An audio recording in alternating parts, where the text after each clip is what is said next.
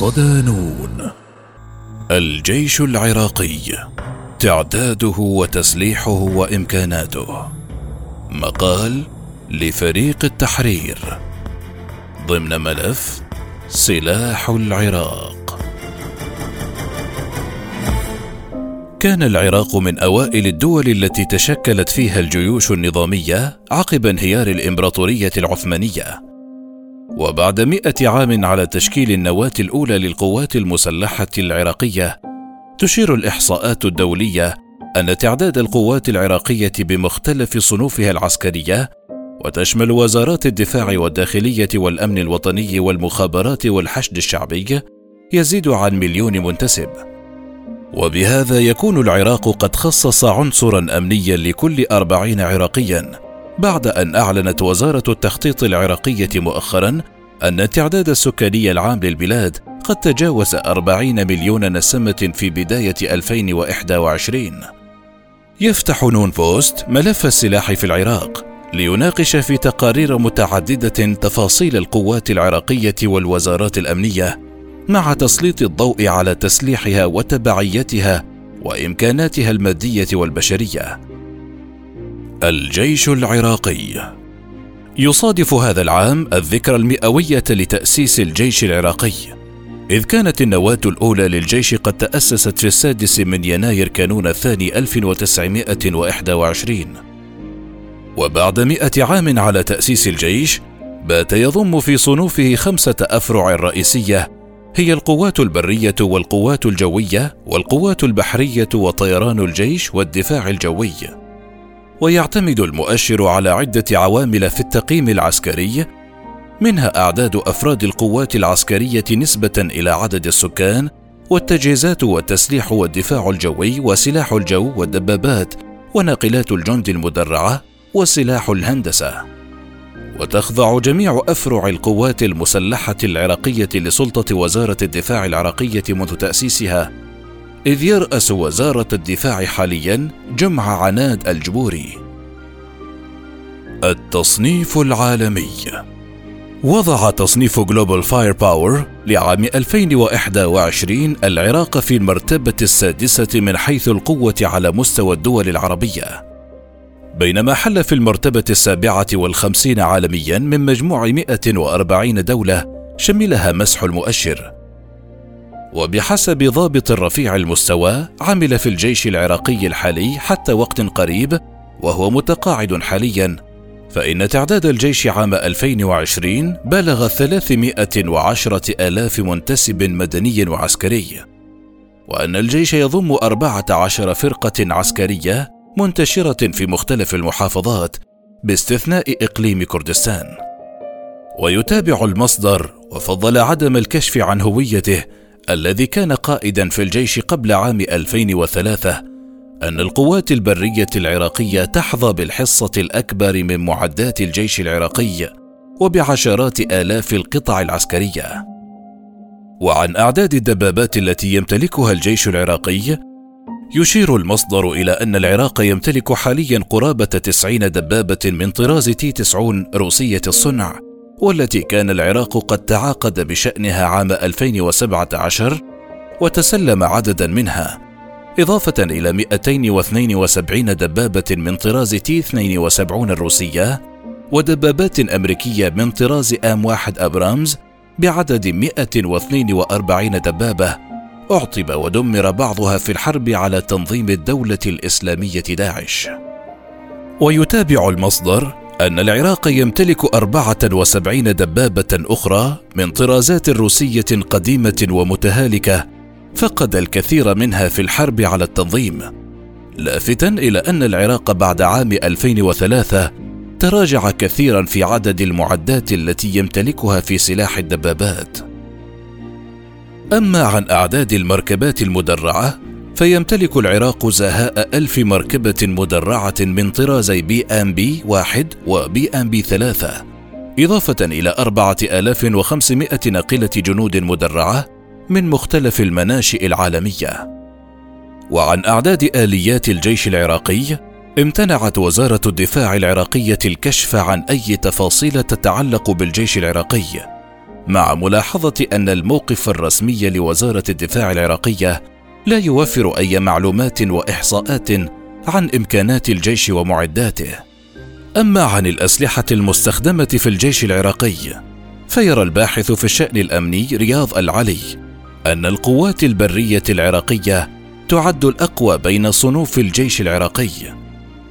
إذ تحظى هذه القوات باستخدام مختلف أنواع الأسلحة الرشاشة الأمريكية والروسية والصينية والأوروبية ويتابع العلي أن القوات البرية العراقية اكتسبت مهارة عالية في القتال البري نتيجة الحرب على تنظيم الدولة الإسلامية داعش ما جعلها مدربة بشكل جيد على التخطيط والاقتحام والحصار.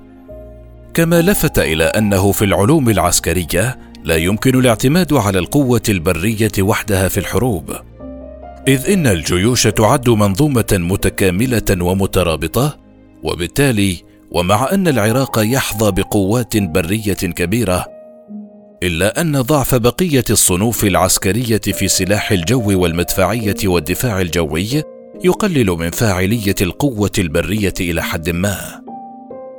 القوة الجوية. وفقا لموقع Global Firepower المختص بتصنيف القوات العسكرية حول العالم حل العراق في المرتبة التاسعة عربيا بعدد طائرات يصل إلى 350 طائرة مقاتلة ومروحية وطائرة تدريب. ومن بين هذه الطائرات يمتلك العراق 15 طائرة أمريكية من طراز F-16 التي كان قد استملكها عام 2015 وتعمل في إسناد القوات البرية العراقية في عملياتها العسكرية. وتفيد تقارير صحفية أن العراق لا يمتلك سوى سبعين طائرة حربية نصفها غير صالح للاستخدام. فضلا عن 190 طائرة مروحية ثلثها خارج الخدمة من الناحية الفنية. يشير الخبير الأمني حسن العبيدي في حديثه لنون بوست إلى أن العراق لا يزال متأخرا جدا في قدراته الجوية مقارنة بجميع الدول المحيطة به. لافتا إلى أن الأردن المصنف عاشرا عربيا بالقوة الجوية يمتلك 261 طائرة متاخرا عن العراق في عدد الطائرات لكنه متقدم عليه في النوع والحداثة والتكنولوجيا. ويتابع العبيدي أنه ومن المنظور العسكري فإن سلاح الجو العراقي لا يضم سوى 15 طائرة من طراز F-16 الأمريكية أما عن بقية المقاتلات فهي من الحقبة السوفيتية من ستينيات القرن الماضي. لافتا إلى أن الكوادر العراقية لا تزال بحاجة إلى التدريب من أجل صيانة سرب الطائرات الأمريكية.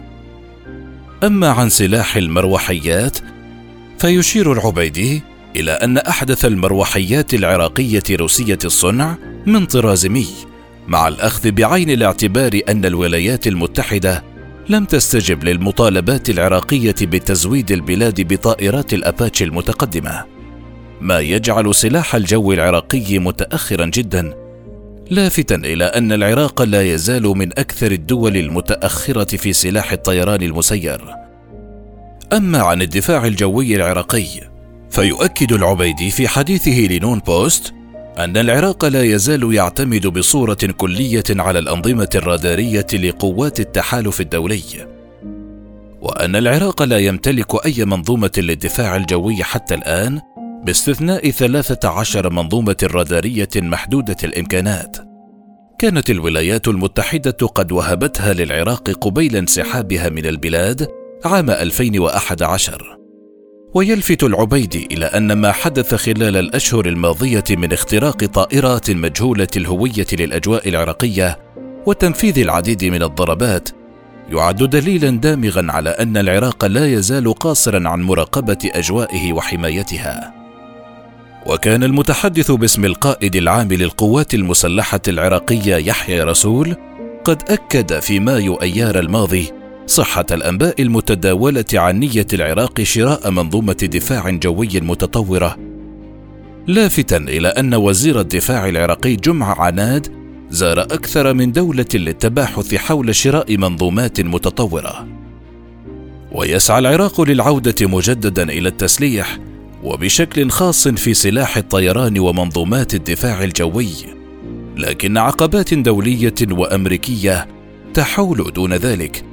خاصة أن الولايات المتحدة كانت قد هددت العراق عام 2017 بالعقوبات في حال أقدمت حكومة بغداد على التعاقد مع روسيا لشراء منظومة الدفاع الجوية الروسية من طراز آس 400 أما فيما يتعلق بسلاح البحرية العراقية يؤكد الخبير الأمني رياض العلي على أن العراق يمتلك قرابة مئة قطعة بحرية لكنها محدودة القدرات ولا تضم أي فرقاطات أو كاسحات ألغام إذ يختصر التسليح البحري على الزوارق السريعة وبضع طرادات فقط.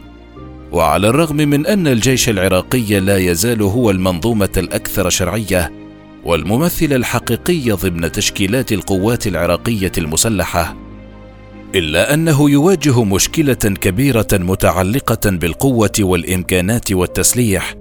التي ينافسه عليها عدد من التصنيفات العسكرية الرسمية وشبه الرسمية في الدولة العراقية ما جعل تطويره ودفعه ليكون القوة الأساسية يواجه تحديات حقيقية خاصة أن حقيبة وزير الدفاع أصبحت لسنة العراق في المحاصصة التي سادت المشهد السياسي العراقي ما بعد عام 2003 فيما تذهب حقيبة وزارة الداخلية للشيعة في مشهد أضعف القوات العراقية بشكل عام وجعلها جزءا من دوامات الصراع الطائفي.